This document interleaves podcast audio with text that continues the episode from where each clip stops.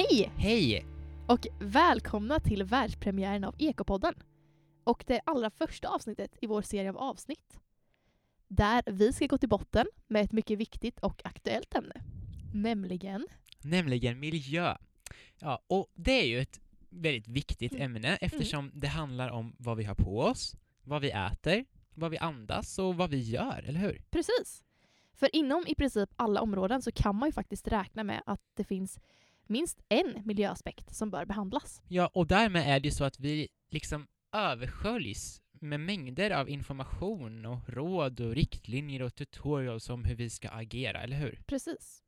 Det är ju självklart betydelsefull information det här. Ja, absolut, ja. Men det här överflödet som vi får av information är ju snarare stressande än upplysande kan man tycka. Exakt. Ja, och vi som gör den här podden heter Kevin Söderqvist. Och Julie Andersson.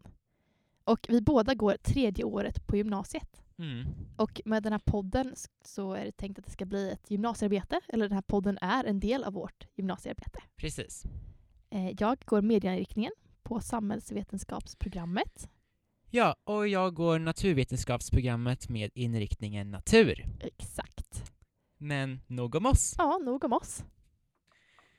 Med Ekopodden så vill vi bringa klarhet i ett ämne som vi anser att alla borde känna sig insatta i.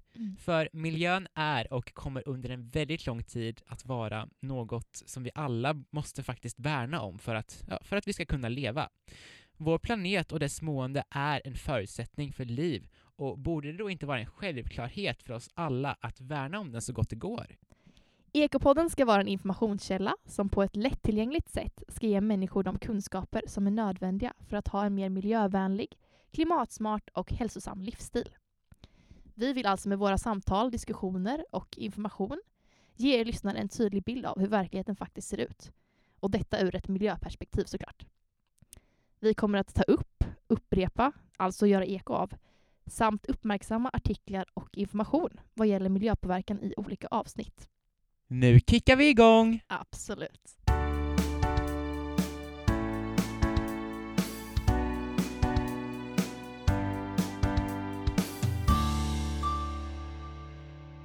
Det har blivit dags att presentera veckans tema. Woo! De finns där överallt. De marknadsförs överallt.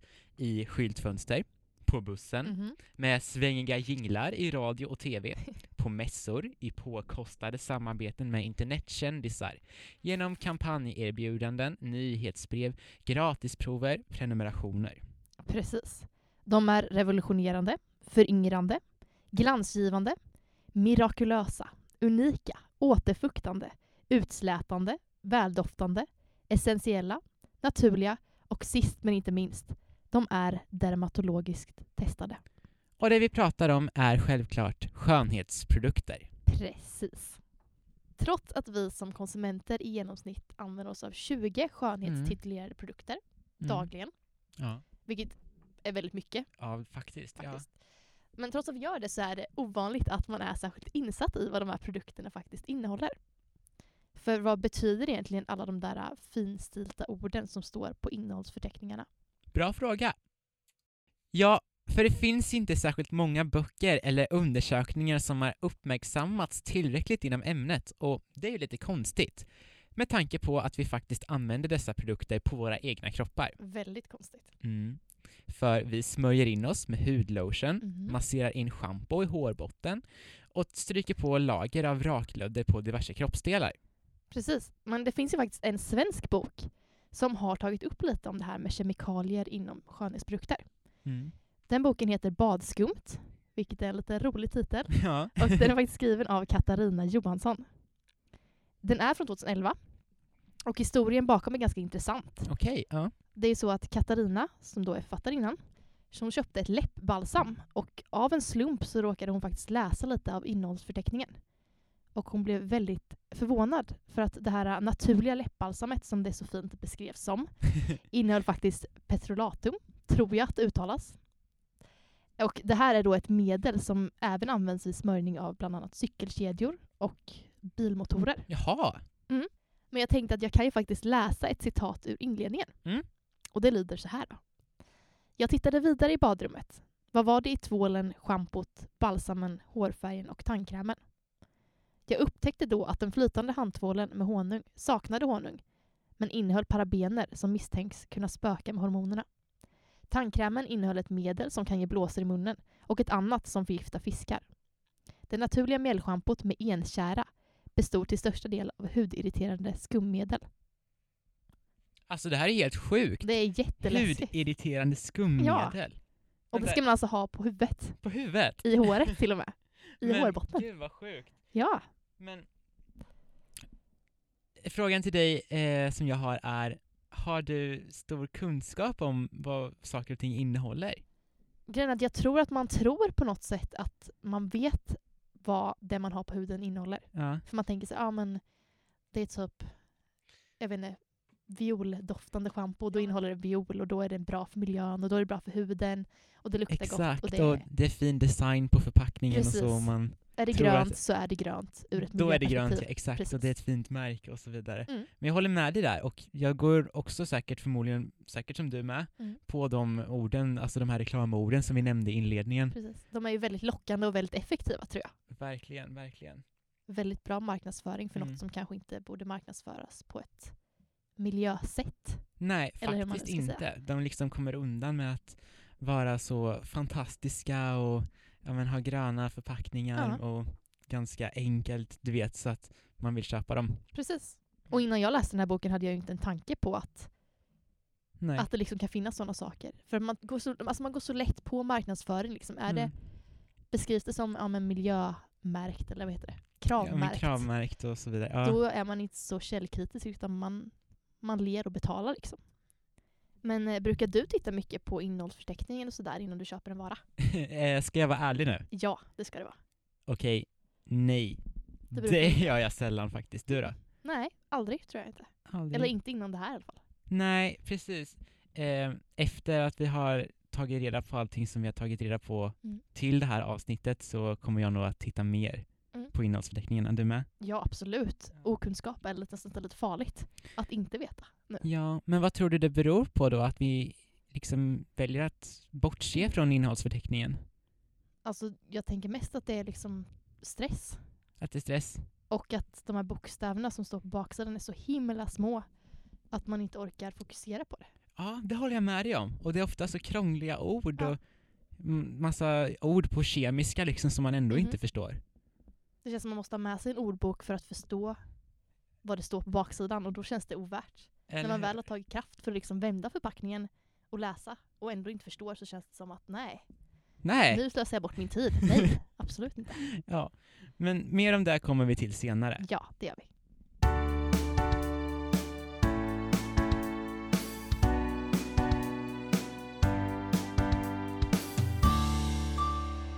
Sådär, nu ska vi ta och rada upp några ingredienser som är vanliga i skönhetsprodukter men som är giftiga eller har dålig miljöpåverkan. Exakt. Och det första ämnet som vi ska prata om är mineralolja. Mm. Och mineralolja är ett ämne som utvinns ur råolja och råolja det är ju en fossil naturtillgång som tar lång tid för jorden att framställa. Extremt. Mineraloljans syfte i alla fall, det är att mjukgöra. Mm. Men det är så att den lägger sig endast som ett täcke på huden. Oh. Så den täpper alltså till istället för att mjukgöra. Och då ger den Oj. en falsk känsla av att huden är fräsch. Mineraloljan innehåller inga vitaminer alls och eh, det är endast en billig utfyllnadsingrediens i många produkter. Mineral, mineraloljan har också en lång hållbarhet och den är drömmen för de snåla företagen. Mineralolja kan hittas i bland annat träolja och motorolja. Och Julia, visste du att mineralolja faktiskt går undercover som en hel del andra namn där ute på marknaden? Men va? Det är sant. Eh, när det står vaselin, Mhm. då är det mineralolja. Nej, När det står paraffin, som bland annat finns i värmeljus, då är det mineralolja. Detsamma gäller också för namnen paraffinum, liquidum, petrolatum och medicinsk vitolja. Men gud, det var inte några namn. Nej, det är en hel del. Och nästa ingrediens är då parabener. Mm. Och parabener kan man exempelvis hitta i läppstift. Och det är ett konserveringsmedel som framställs syntetiskt. Okej, ja. Ja. Det är eh, vattenkonserverande eller fettkonserverande. och kan delas upp i många olika kategorier och med väldigt många olika benämningar. Mm.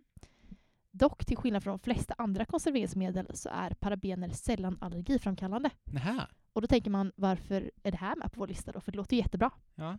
Det är, liksom, det är bakteriedödande ja. och okej, det ökar Ja. hållbarheten i produkten. Mhm. Låter superbra. Mm. Men så kommer den här nackdelen då och det är då att ingrediensen misstänks vara hormonstörande.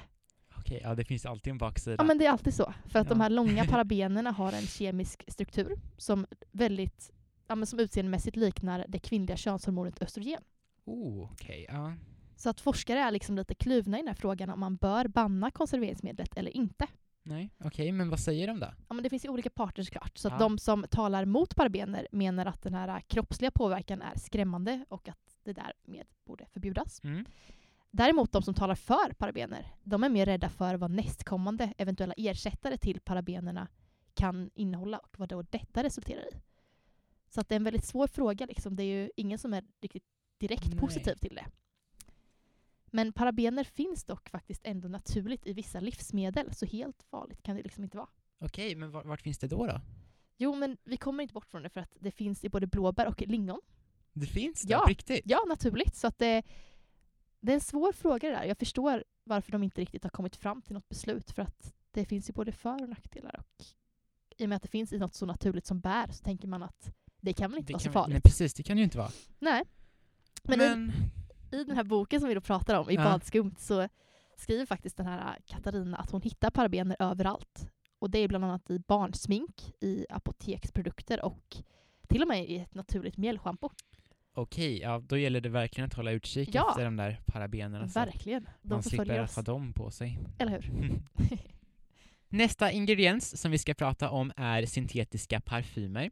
Och de innehåller vanligtvis ftalater som stör fertiliteten hos både man och kvinna. Oj. Syntetiska parfymer de är framställda av okända syntetiska kemikalier som lagmässigt inte nödvändigtvis behöver skrivas ut på ingrediensrutan på produkten. Okej, hur läskigt är det på en skala? Väldigt läskigt faktiskt. Ja. Och apropå innehållsförteckningar, Mm. då är det så att EU, de har faktiskt godkänt 900 stycken doftämnen som får ingå under produktnamnet parfym.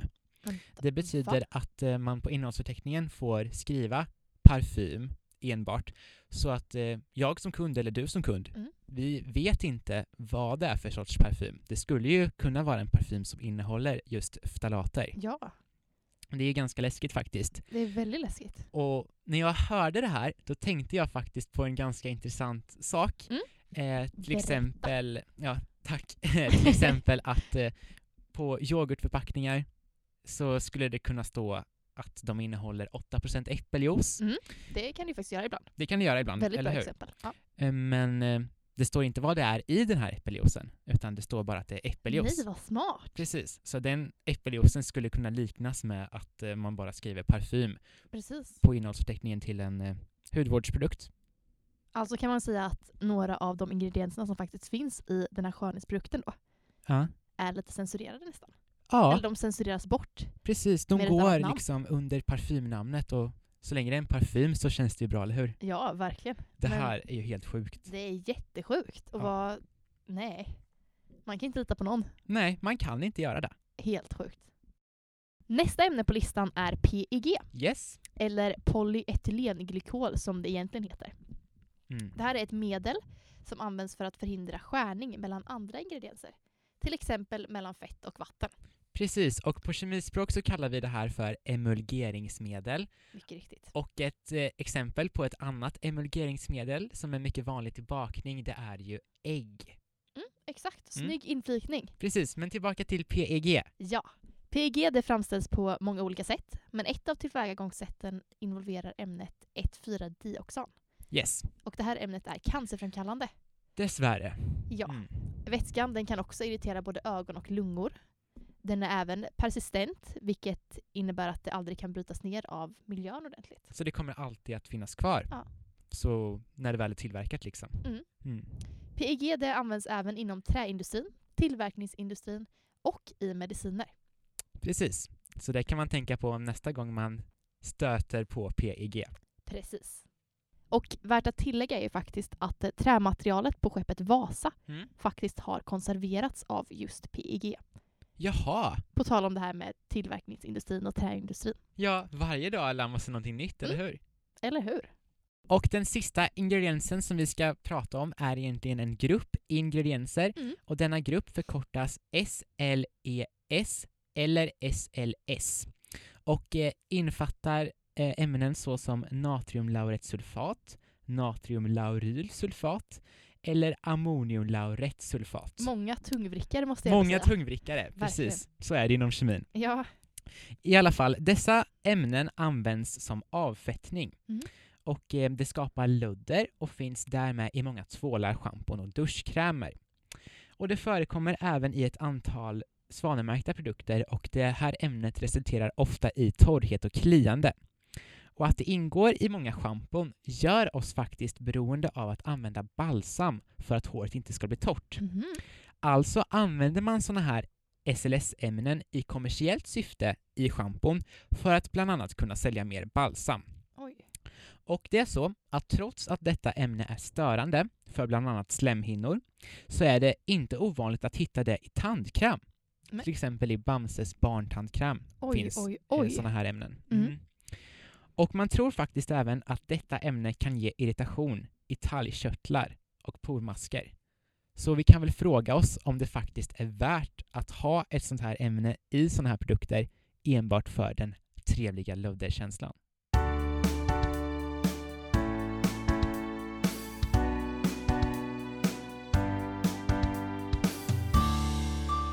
Och om föregående lista var lite mycket att ta in med alla de här beteckningarna och alla riktiga namn och och allting. Ja. Ja. smeknamn och allt vad det var, så tänkte vi att vi ska ge ett lite mer relaterbart exempel. Ett exempel på hur mycket kemikalier och farliga ämnen som faktiskt kan finnas i en enda hygienartikel. Ja. Så vi tänkte att vi tar väl upp en produkt som vi anar att väldigt många använder. Precis. Och den produkten är deodoranter. Ja, och i en artikel som är skriven av Isabelle Hedander från februari 2013 så listas de topp fem farligaste ämnena som finns i deodoranter.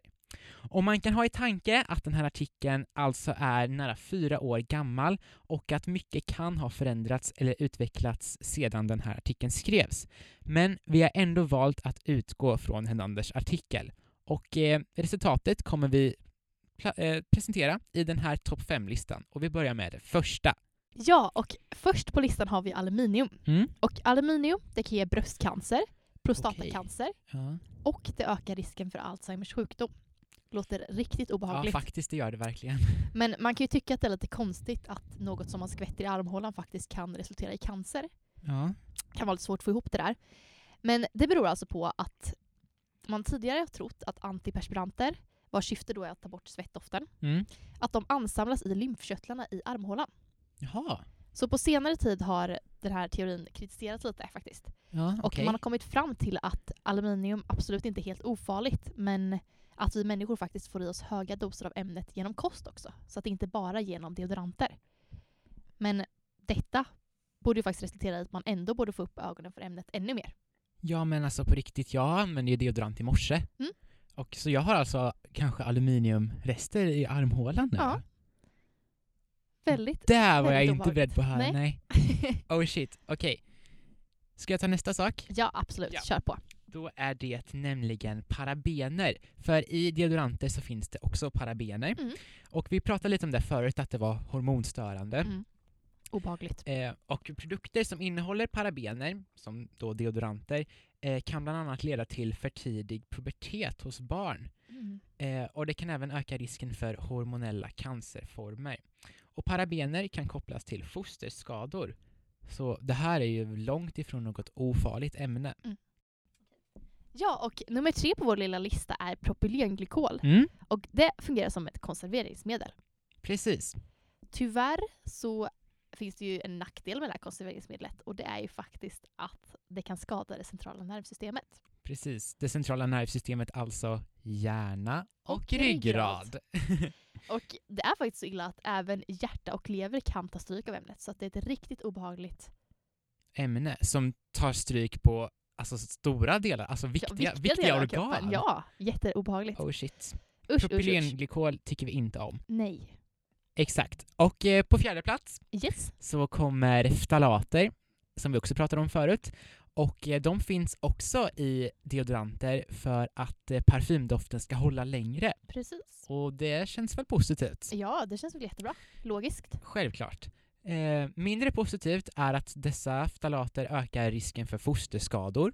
Oj, oj, Eh, oj. och de kan också störa hormonerna och eh, man kan även förvänta sig en ökad risk för cellmutationer. Så i efterhand kan man ju tycka att det kanske inte är värt den långa parfymdoften då. Självklart inte, för cellmutationer är ju Inget lockande. ett, ett grundläggande steg till cancer. Cancer, precis. Precis. Och på femte plats? På femte plats har vi triklosan. Och triklosan det fungerar som ett bakteriedödare, en bakteriedödare Mm. i deodoranten. Och det här eh, borde ju egentligen vara en huvudingrediens i innehållet. Ja. Nu kanske de flesta vet det, men vi kan ju trots det nämna att det är inte själva svetten i sig som luktar på kroppen, utan svett är egentligen doftfritt. Precis. Det är när svetten kommer i kontakt med bakterierna på kroppen, till exempel i armhålan, Mm. eh, som en doft uppstår, eller en lukt uppstår. Och triklosan är alltså bakteriedödande, så det dödar bakterierna, Ja. vilket gör att en doft aldrig uppstår. Det känns ju som en klockren ingrediens Ja, det är klart en, att den ska vara där. i en Liksom. deodorant. Heja triklosan. Å andra sidan så anses faktiskt det här bakteriedödande medlet vara cancerframkallande Mm. för både människor och djur. Jaha. Och det är väldigt illa, men det stannar faktiskt inte där. Nej. Utan trots det så är det faktiskt inte bara i deodoranter som man kan hitta ämnet. Det finns även i många diskmedel, det finns i tandkrämer, tvättsvampar och i kläder. Alltså saker som man vill marknadsföra som bakteriefria. Just det, där ringer en klocka. Mm. För jag vet att eh, många sportkläder som man kan köpa, Mm. eh, de har något så här att de är antibakteriellt behandlade. Mm, så, så. att, eh, ja, men, så att de inte ska börja lukta då helt enkelt. Mm. Och då kanske man använder triklosan då. Mm. Men det är alltså cancerframkallande. Men nämnas bör dock att väldigt många har faktiskt valt att plocka bort just det här ämnet från ett flertal produkter. Ja. Och det här är då sedan man har fått larm om riskerna med just ämnet. Men dock så finns det såklart ämnet kvar i flera produkter. Vilket är ganska Tyvärr. oroväckande. Ja men verkligen. Mm. Och när vi ändå är inne på det här triklosanspåret Mm. så kan vi nämna att i USA så klassas det här ämnet faktiskt som ett bekämpningsmedel till och med. Oh shit, och det summerar ju vår lista då helt enkelt. Ja.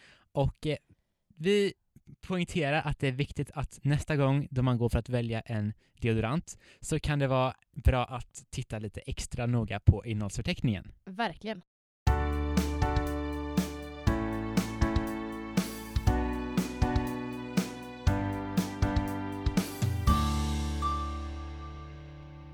Men åter till det här med böcker då, som vi har läst. Mm. Du har faktiskt läst en bok som heter Den flamlösa katten.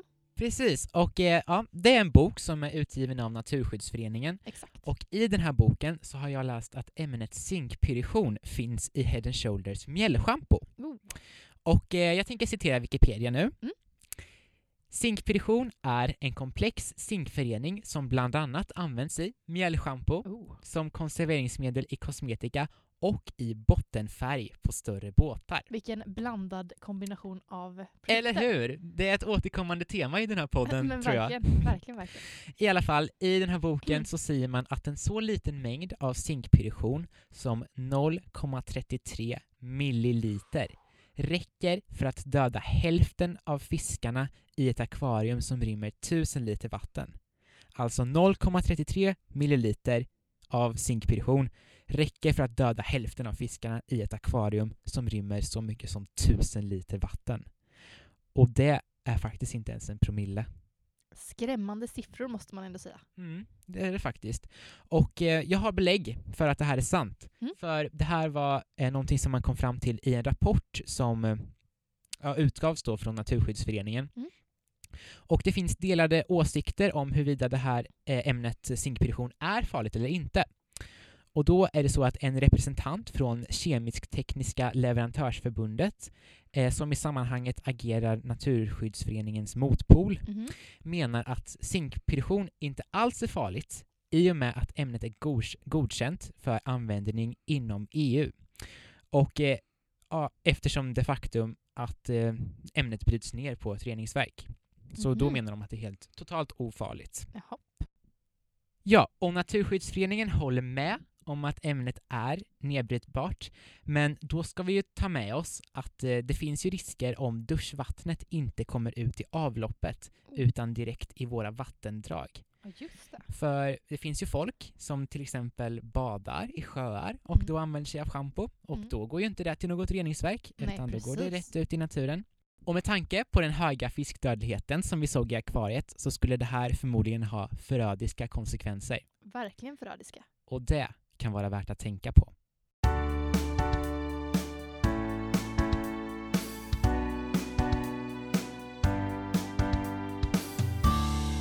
Nu har vi pratat en del om en massa problem och gett er lyssnare en ganska pessimistisk bild av alla de här produkterna. Mm. Fast nu är det faktiskt slut på sånt för att i den här sista delen ska vi fokusera mer på lösningar istället. Exakt. Men vad finns det då för tillvägagångssätt för att lösa de här problemen? Och hur ska man som konsument undvika att få i sig alla de här gifterna och kemikalierna som påverkar både våra kroppar och vår miljö negativt?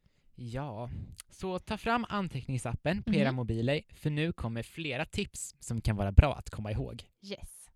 En stor del av de problem som vi har tagit upp idag kan lösas på ett ganska simpelt sätt, genom bojkottning.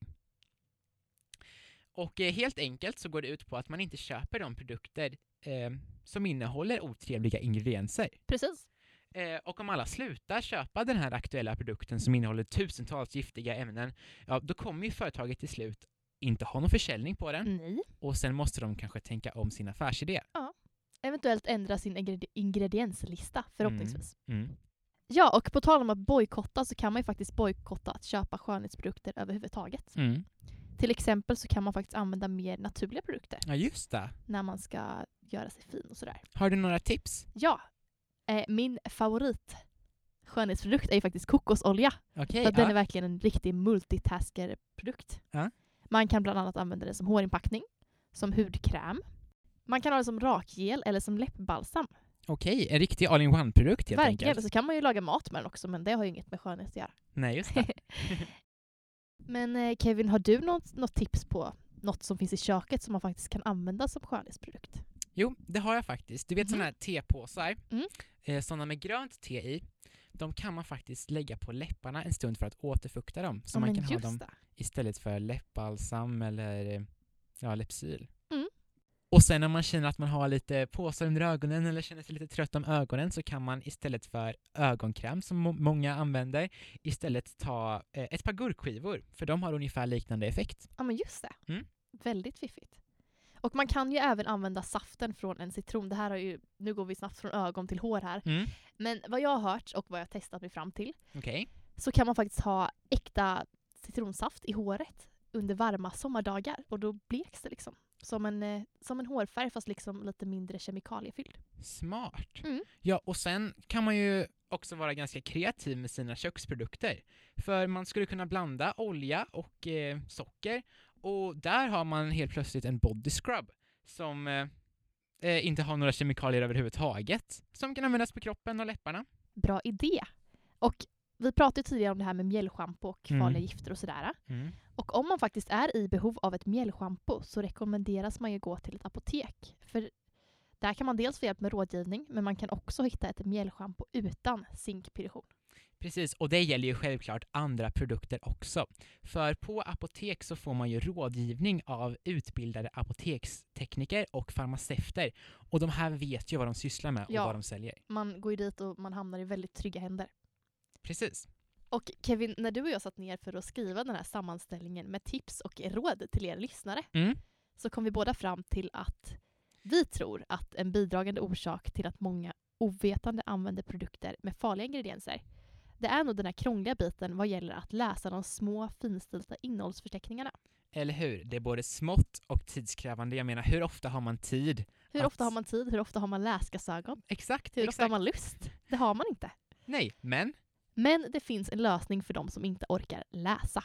Eller kan läsa. Det finns en lösning i alla fall. ja, Och lösningen den här gången kommer i form av en app. precis. Och appen den heter Cosmetics. Precis, och den här appen Cosmetics, det är då en databas som eh, för tillfället består av cirka 60 000 produkter.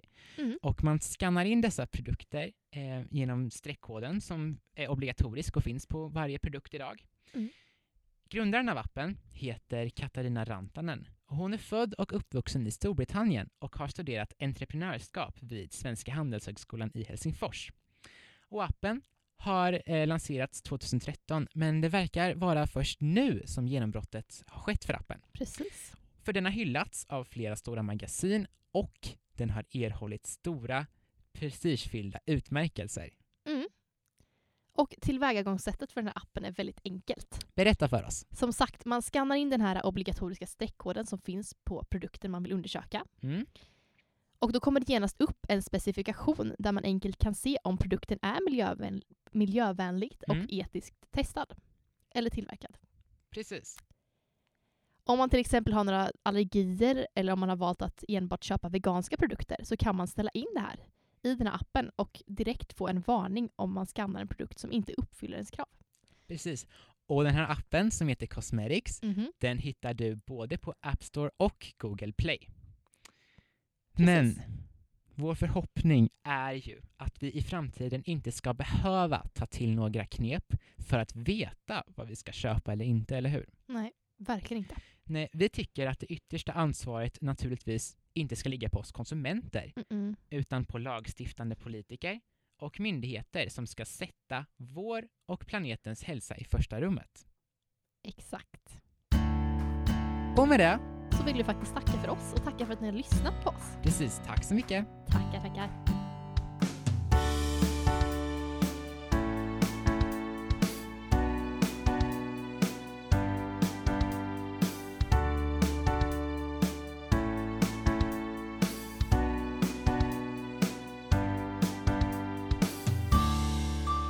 Lyssnat på det första avsnittet av Ekopodden med Julia Andersson och Kevin Söderqvist. Håll utkik efter kommande avsnitt. Tills dess, ta hand om dig själv och planeten.